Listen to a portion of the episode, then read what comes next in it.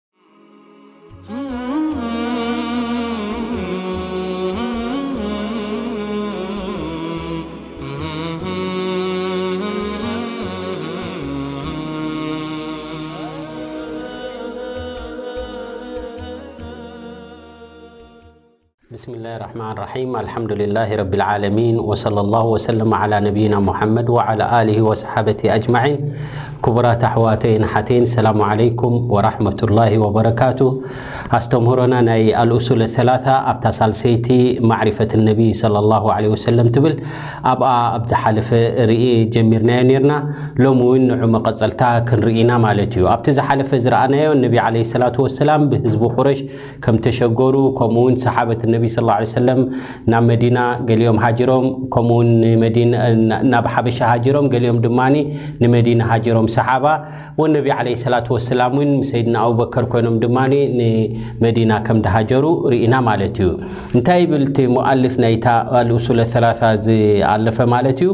ራሒማሁ ላሁ ተዓላ ፈለማ ኢስተቀረ ፊል መዲና ኡሚረ ቢበቅየት ሸራኢዕ ልእስላም ኣብ መዲና ምስ ዓረፉ ነቢ ዓለይሂ ሰላቱ ወሰላም ቅሳነት ምስ ተረኸበ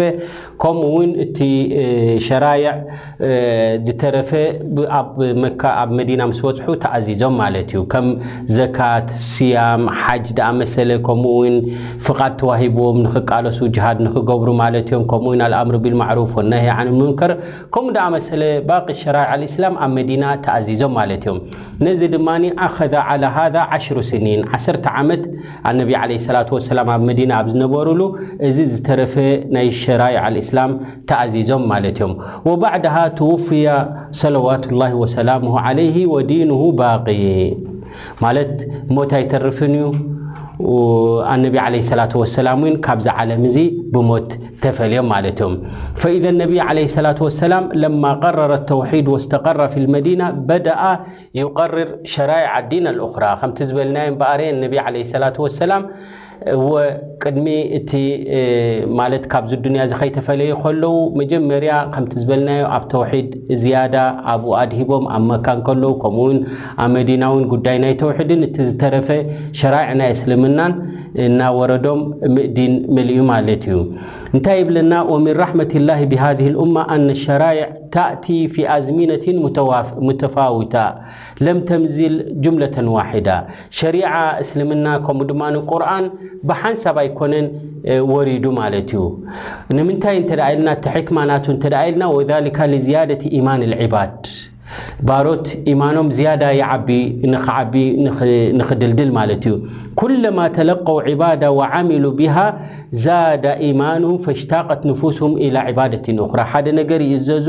እቲ ትእዛዝ ናይ ረቢ ስብሓን ወተዓላ ምስ ፈፀምዎ ኢማኖም ይውስኽ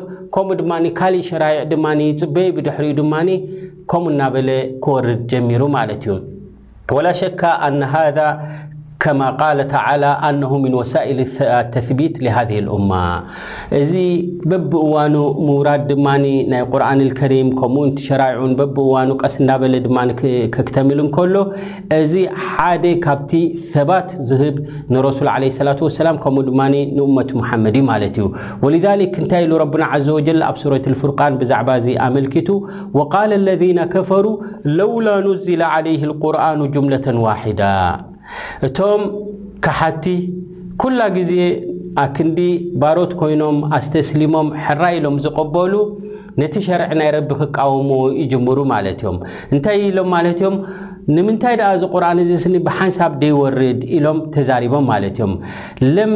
የንዝል ሃዘ ልቁርን ከቀይርህ ምን ልክቱብ ሳቢቃ ከምቲ ዝሓለፈ ክታብቲ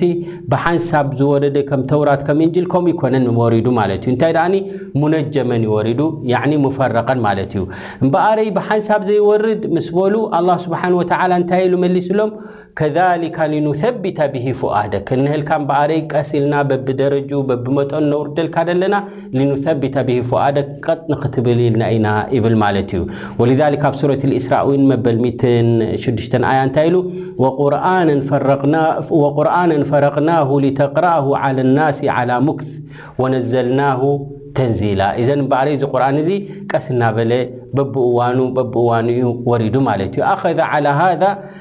ዓሽር ስኒን ወባዕድሃ ትወፍያ ጠብዓን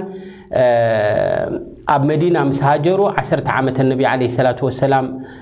ተቐሚጦም ማለት እዮም ኣብዚ ዓሰርተ ዓመት እዚ በብእዋኑ ይወርድ ነይሩ ማለት እዩ ዓሽሩ ስኒን ፊ ልመዲና የድዑ ኢላ ሙከሚላት ወሙተሚማት ሃዘ ተውሒድ ምክንያቱ ኣብ መካን ከለዉ ጉዳይ ናይ ተውሒድ ጥራሕ ማድ ሂቦም ዝዛረቡ ነይሮም ማለት እዮም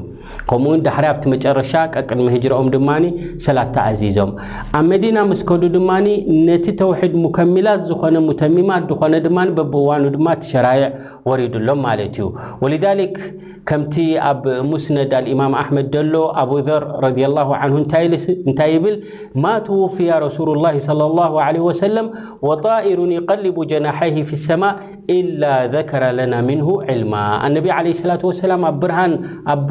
ቅኑዕ እሞ ድማ ዘጠራጥር ዘይብሉ ኩነታት እዮም ገዲፎምና ይትረፍዶ ኩሉ እቲ ናይ ሸሪዓና ዝምልከሲ ካሊእ ሓሊፉ እውን ሓታ ዑፍ ኣብ ሰማይ ትበረር እውን ብዛዕባ ናታ ኩነታት እውን ኣነቢ ዓለ ሰላት ወሰላም ከይተረፈ ሓቢሮምና እዮም ይብል ማለት እዩ ኢዘን ኣነቢ ዓለ ሰላት ወሰላም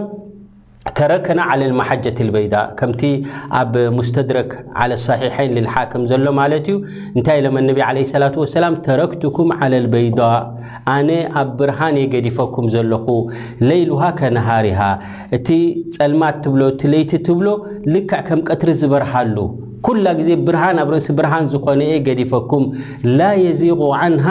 ባዕዲ ኢላ ሃሊክ ጥፉእ ተዘይኮይኑ ክጠፍእ ዝደለየ ተዘይኮይኑ ስኒ እቲ መንገዲ ናተይ ብሩህ እየ ገዲፈኩም ኣብ ብርሃን እየ ገዲፈኩም ይብሉ ኣነቢ ዓለይሂ ሰላቱ ወሰላም ጠብዓን ከምዚ ደኣ መሰለ ኣዲላ ያዕኒ ናይ ክታብን ናይ ሱናን ብዙሕ ኣለና ማለት እዩ እዘን ኣነቢ ዓለይሂ ሰላቱ ወሰላም እዚ ዓሰርተ ዓመት እዚ ዝኣክል እቲ ሙከሚላት ናይ ሸሪዓ ኣውሪዱ ማለት በብእዋኑ ይወርዶም ነይሩ ማለት እዩ። ወዲኑሁ ባቂን ወሃዛ ዲኑሁ ዲን ናይ ረሱል ዓለይሂ ሰላቱ ወሰላም በኣር ክሳብ የውመል ቅያማ ተራፋዩ ክህልው እዩ ማለት እዩ። ወሃዛ ዲኑሁ ኢሉ እዚ ድማ ንነህልካ እቲ ዲኑ ኢሉ ኣይ ኣለዚ ሰበቃ ሸርሑሁ ዝኹሉ ንትንትኖ ዝነበርና ኣብ ዝሓለፈ እንሀልካ ከምዚ እዩ ድመስል እምበኣር እቲ ሸሪዓ ናይ ረሱል ዓለይሂ ሰላቱ ወሰላም ልዕሊ ኣርብዓ ወይ ሓም- እ፣ ድኸውን ክፍልታት ዝጠቐስናዮ ብዛዕብኡ እንሀልካ እዚ እዩ እቲ ዲን ከምዚ ይመስል ኢሉ ገሊጹልና እቲ ሙኣሊፍ ማለት እዩ ወዲኑሁ ባቂ ያዕኒ ማሕፉዙን ምን ዕንዲላህ ዲን ናይ ረሱል እቲ ሒዘሞ ድመጹ ነቢ ሙሓመድ ሰለላሁ ዐለይሂ ወሰለም ተራፋይ ማለትሲ ሕልው እዩ ዝኾነ ይኹን መጺኡ እኮ ያዕኒ ጎንጽታትን ገለን ከነኣእስዎን ገለን እኮ እንተድፈተኑ እቲ ዲን ላኪን ኩላ ግዜ ማሕፉዝ እዩ ወላ ሓንቲ ዝጎድሎን ዝውሰኾን ዝንከዮን የብሉን ማለት እዩ ወሊዛሊክ ረቡና ዓዘ ወጀል ኣብ ሱረት ልሕጅር እንታይ ኢሉ መበል ትሽዓተ ኣያ ኢና ናሕኑ ነዘልና ዚክራ ወኢና ለሁ ለሓፊዙን ንሕና ኢና ኣውሪድናዮ ንሕና ኢና ድማ ንሕልዎ ኢሉ ንህለ ድማ ሽሕን ኣርባዕተ ሚትን ሰላሳን ሸውዓትን ህጅርያ ኮይኑ ኣሎ ካብቲ ረሱል ዓለይሂ ሰላቱ ወሰላም ካብ መካ ናብ መዲና ዝሃጀሩሉ ሓንቲ ሓርፊ እውን ከይጎደለ እቲ ቁርኣን ከምኡ እቲ ሱና ናይ ረሱል ሰለላሁ ዓለይሂ ወሰለም ተሓፊዙ ኣባና በፂሑ ማለት እዩ ኣነቢ ዓለይሂ ሰላቱ ወሰላም ላ ኸይራ ኢላ ደለ ልኡማ ኩሉ ኸር ደበለ ሓቢሮም እዮም ዓለይሂ ሰላቱ ወሰላም ወላ ሸረ ኢላ ሓዘረሃ ሚንሁ ኩሉ ሕማቕ ዝበለ ናብ ዘይቅኑዕ ዝወስድ መንገዲ ድማ ንዕኡ ድማ ከልኪሎምን ኣጠንቂቖምን እዮም ኣነቢ ዓለይሂ ሰላቱ ወሰላም ወሊዛሊክ ከምቲ ኣብቲ ዝሓለፈ ኣያት ናይ ቁርኣን ዝረኣናዮ ማለት እዩ ኣላሁ ስብሓነሁ ወተዓላ ንረሱል ዓለይሂ ሰላቱ ወሰላም ክገልጾም እንከሎ እንታይ ኢሉ ኣብ ሱረት ተውባ መበል ሚእትን ዕስራን ሸሞንተን ኣያ ለቀድ ጃኣኩም ረሱሉን ሚን ኣንፉሲኩም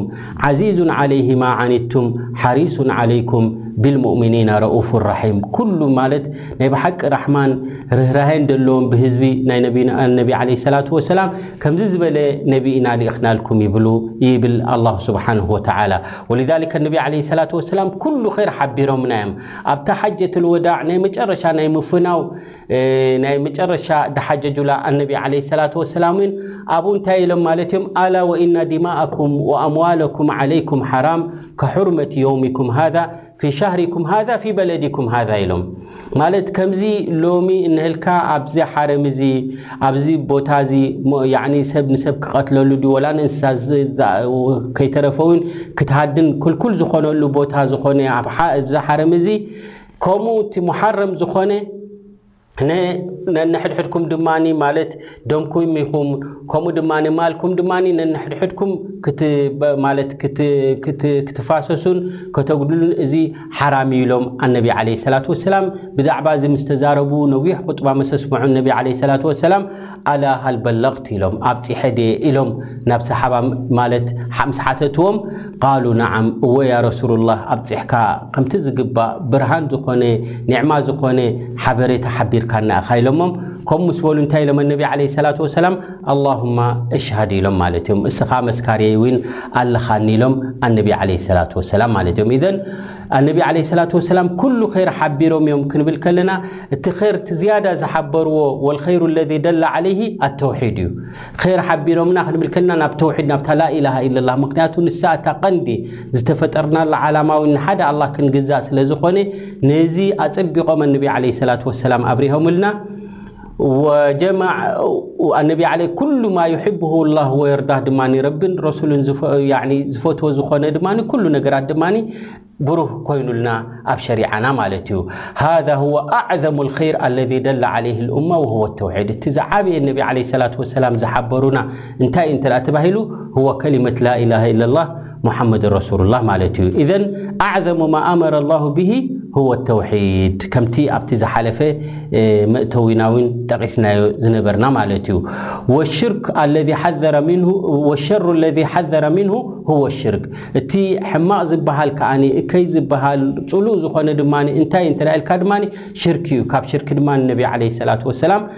ኣጠንቂቖምን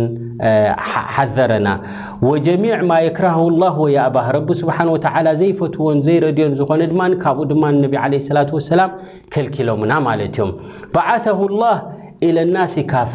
መልእኽቲ ናይ ረሱል ዓለይሂ ሰላቱ ወሰላም ናይ ነቢዩ ሙሓመድ ሰለላሁ ዓለይሂ ወሰለም ንኹሉ ህዝቢ እዩ ማለት እዩ። ወሃዚሂ ምን ኸሳኢሲሂ ናይ ነቢዩና ዓለይሂ ሰላቱ ወሰላም እዚ ፍሉይ ዝኾነ ዝተወሃብዎ እዩ ማለት እዮም። ወቀድ ኣኽበረ ቢኣነ ሩሱል ቐብለሁ ዩብዓሱነ ኢላ ኡመምህም ኻሳ ወሁወ ቡዒሰ ኢለናሲ ካፋ እቶም ዝሓለፉ ነብያት ናብ ዝተወሰነ ኣህዛብ ናብ ዝተወሰነ ቦታታት ይለኣኹ ነይሮም ሪሳላ ናይ ረሱል ዓለይሂ ሰላቱ ወሰላም መልእኽቲ ናይ ረሱል ሰለላሁ ዓለይሂ ወሰለም ግን ንኹሉ ዝበጽሕ እዩ ማለት እዩ ንኹሉ እውን ማለት ፈርዲ እዩ ንክኽተልዎ ማለት እዮም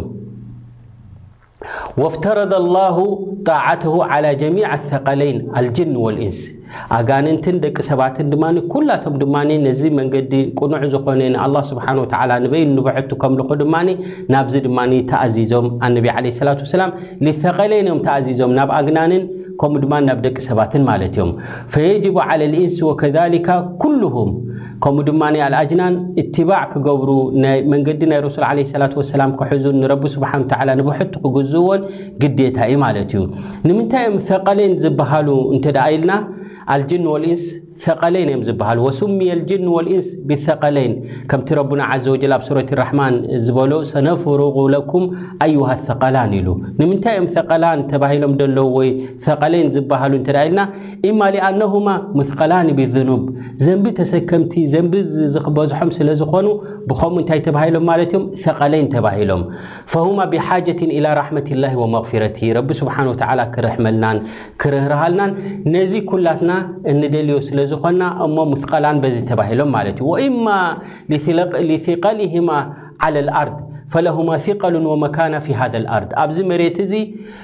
ብዙሕ ነገራት እዩ ዘሎ ፍጡር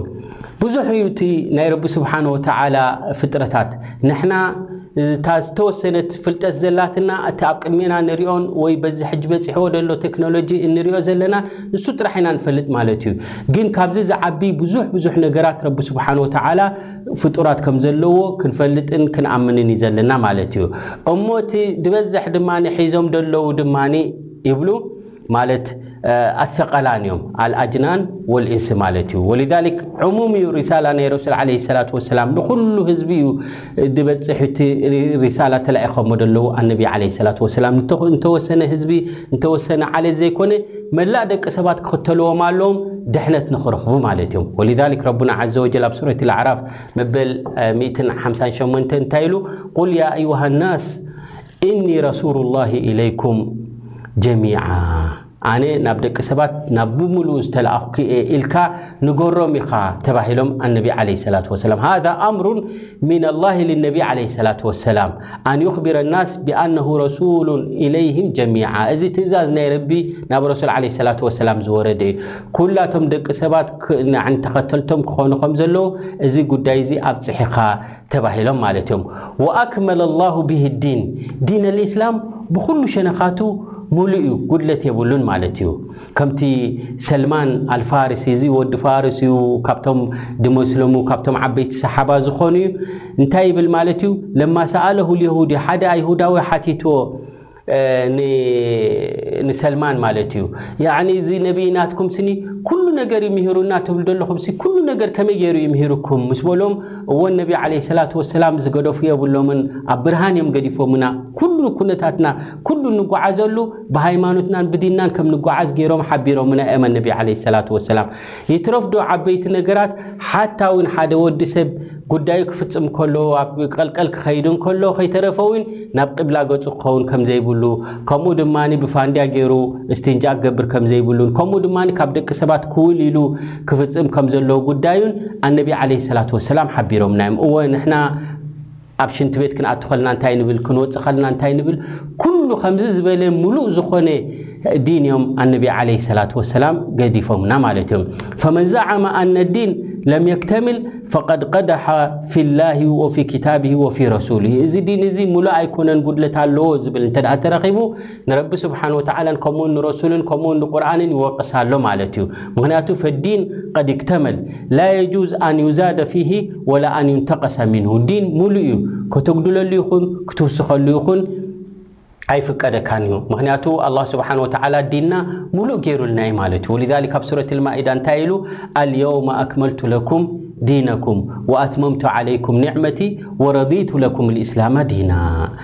እምበኣረይ ረቢ ስብሓነሁ ወተዓላ ዝረደዮ እሞ ድማ ጉድለት ዘይብሉ ሙሉእ ዝገበሮ ዲን እዩ እዚ ዲን እዚ እስልምና ማለት እዩ ወሊዛሊክ ሓደ ኣይሁዳዊ እውን ናብ ሰይድና ዑመር መፂኡ ኢልዎ ያ ዑመር ኢልዎ ፊ ክታቢኩም ኣያ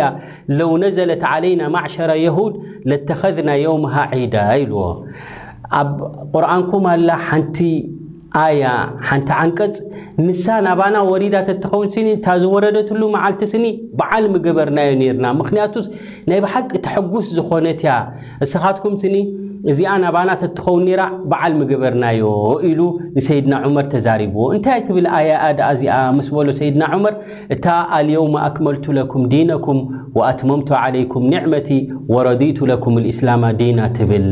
ማለት እስልምና ሙሉእ ገይረልኩም እየ መሊኤልኩም እየ ድፈተኹልኩም ዝረደኹልኩም ሃይማኖት እዩ እትብል ደላ ስኒ እዚኣ ሙሉእ ዝገበር ክገብረልካ ከሎ ፈጣሪኻ ስኒ ዓብይ ሓጎስ ዓብይ ደስታ ዓብይ ፍስሃ እሞ ንሕና ድማ በዓል ምገበርና ነርና እዚኣ ናባና ወሪዳ ተትኸውን ኢልዎ ሰይድና ዑመር እንታይ ኢልዎ ፈቃላ ወላሂ ኢልዎ እኒ ላኣዕለሙ ኣይና ወመታ ነዘለት ኣበይናይን መዓሰይን ከም ድወረደት ኣነ ይፈልጥ እየ እዚኣ እያ እዚኣ ኢልዎ ኡንዚለት ዓለ ነቢይ ሰለ ላሁ ዓለይህ ወሰለም ወህወ ዋቅፉን ቢዓረፋ ኣብ የውም ዓረፋ ጠጠው ኢሎም እንከለዉ ኣብ ሽዑ መዓልቲ እያ ወሪዳ ኢሉ ነጊርዎ ለም የብቃ ባዕድሃ ኣነቢይ ዓለይህ ሰላት ወሰላም ኢላ ተማኒና የውመን ثማ ትውፍያ ገለ ካብ ሰማንያ ደይበዝሓ መዓልታት እዮም ፀኒሖ እምበር ብድሕሪኡ ነቢ ዓለይህ ሰላት ወሰላም ካብዚ ዓለም እዚ ተፈልዮም ማለት እዮም። እዘን እዚኣ ዝወረደትሉ ስኒ ብዙሕ ደሰግር ኣይኮነን ከምዚ ትብሎ ዘለኻ ብዙሕ ምፍልሳፍ እውን ዘድልዮ ኣይኮነን። ኣብቲ ብሉጽ ዝኾነ ኩላቶም ኣስላም ዒድ ኣልኣድሓ ዘኽብርሉ ከምኡ ድማ ውቁፍ ቢዓረፋ ዝገብርሉ ሑጃጅ ኣብኡ እያ ወሪዳ ኢሉ ተዛሪብዎ ማለት እዩ። እዘን ሀዚህ ሚና ዓብይ ደስታ ዓብይ ሓጎስ እዩ ዲንና ምሉእ ክኾነልና እንከሎ ማለት እዩ ወሊዛሊክ ወኣትመምቱ ዓለይኩም ኒዕመቲ ኢሉ ኒዕማ ናተይሲ መሊኤልኩም እየ እቲ ዝረድዮ ዝኾንኩ መሊኤልኩም እየ ክብል ከሎ እስልምና እዚ ሚን ኣዕዘሚ ኣኒዓም ኣን የክሙለ ሃዘ ዲን ዲንካ ሙሉእ ክኾነልካ ጉድለት ዘይብሉ ክኾን ከሎ እዚ ዓብዪ ኒዕማ እዩ ማለት እዩ ወሊዛሊክ ወረዲቱ ለኩም ልእስላማ ዲና ኢሉ ዝረድዮ ረቢ ስብሓን ተዓላ ዝፈትዎ ኣየናይ እንተ ኢልካ እዛ እስልምና እዚኣ እያ መንገዲ ናይ ነቢያት መንገዲ ናይ ዒሳ መንገዲ ናይ ሙሳ ናይ ኣብርሃም ናይ ኩሎም ነቢያት ተኸቲላ ሓደ ኣላ ትብል ተውሒድ ዝሓዘት ዲን እዚኣ እታ ፍትውቲ ዝኾነት ረቢ ስብሓን ወተዓላ ዝረድዮ ዲን ማለት እዩ ወሊዛሊክ ኣብ ኣዝካር ናትና ንግሆን ምሸትን እንታይ ንብል ማለት እዩ ዱዓ ክንገብር ከለና ማለት ከምቲ ረሱል ዓለይሂ ሰላቱ ወሰላም ዝዓለሙና ረዲቱ ቢላሂ ረበን ወቢልኢስላሚ ዲነን ወቢሙሓመዲን ረሱላ ንብል ማለት እዩ። ረዲና ኢና ረብና ኣላህ ሱብሓነሁ ወተዓላ ንሱ ሓደ ጎይታና ንዕኡ ኢና ነምልኽ ብጀክኡ ኣምላኽ የብልናን ንብኡ ረዲና ኢና ወቢልኢስላሚ ዲነን ዲነል ኢስላም ድማ ሃይማኖት እስልምና ድማ ምሉእ ዝኾነ ጉድለት ዘይብሉ ድማ ብኡ ድማ ዓጊብናን ረዲናን ፈቲናን ኢና ወቢሙሓመዲን ረሱላ ከምቶም ንኻልኦት ህዝብታት በብነፍሲ ወከፎም ዝተላእኸሎም ናባና ድማ ብሉፅ ምሩፅ ዝኾኑ ረሱል ዓለይሂ ሰላቱ ወሰላም ክለኣኹ እንከለዉ ሕጉሳትን ራዲን ኢና ድበለ ሰብ እዚ ከምዚ ኢሉ ኣዝካር ድገብር ንግሆን ምሸትን ኣነቢ ዓለይሂ ሰላቱ ወሰላም እንታይ ኢሎም ወጀበት ለሁ ኣልጀና ጀና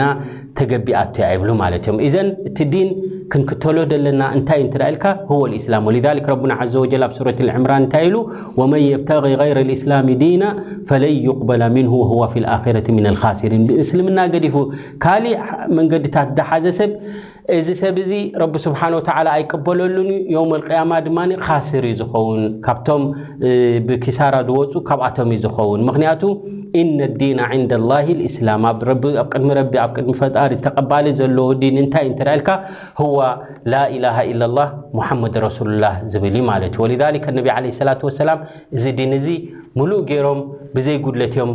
ያዕኒ ኣመሓላሊፉልና ካብዚ ዱንያ እዚ ተፈልዮም ማለት እዮም ወሊዛሊከ ነቢ ዓለይሂ ሰላቱ ወሰላም ልክዕ ከምቶም ኣሕዋቶም ነቢያት ከምኡ ድማኒ ዝተዋሃቦም ኩሉ ኣብጺሖም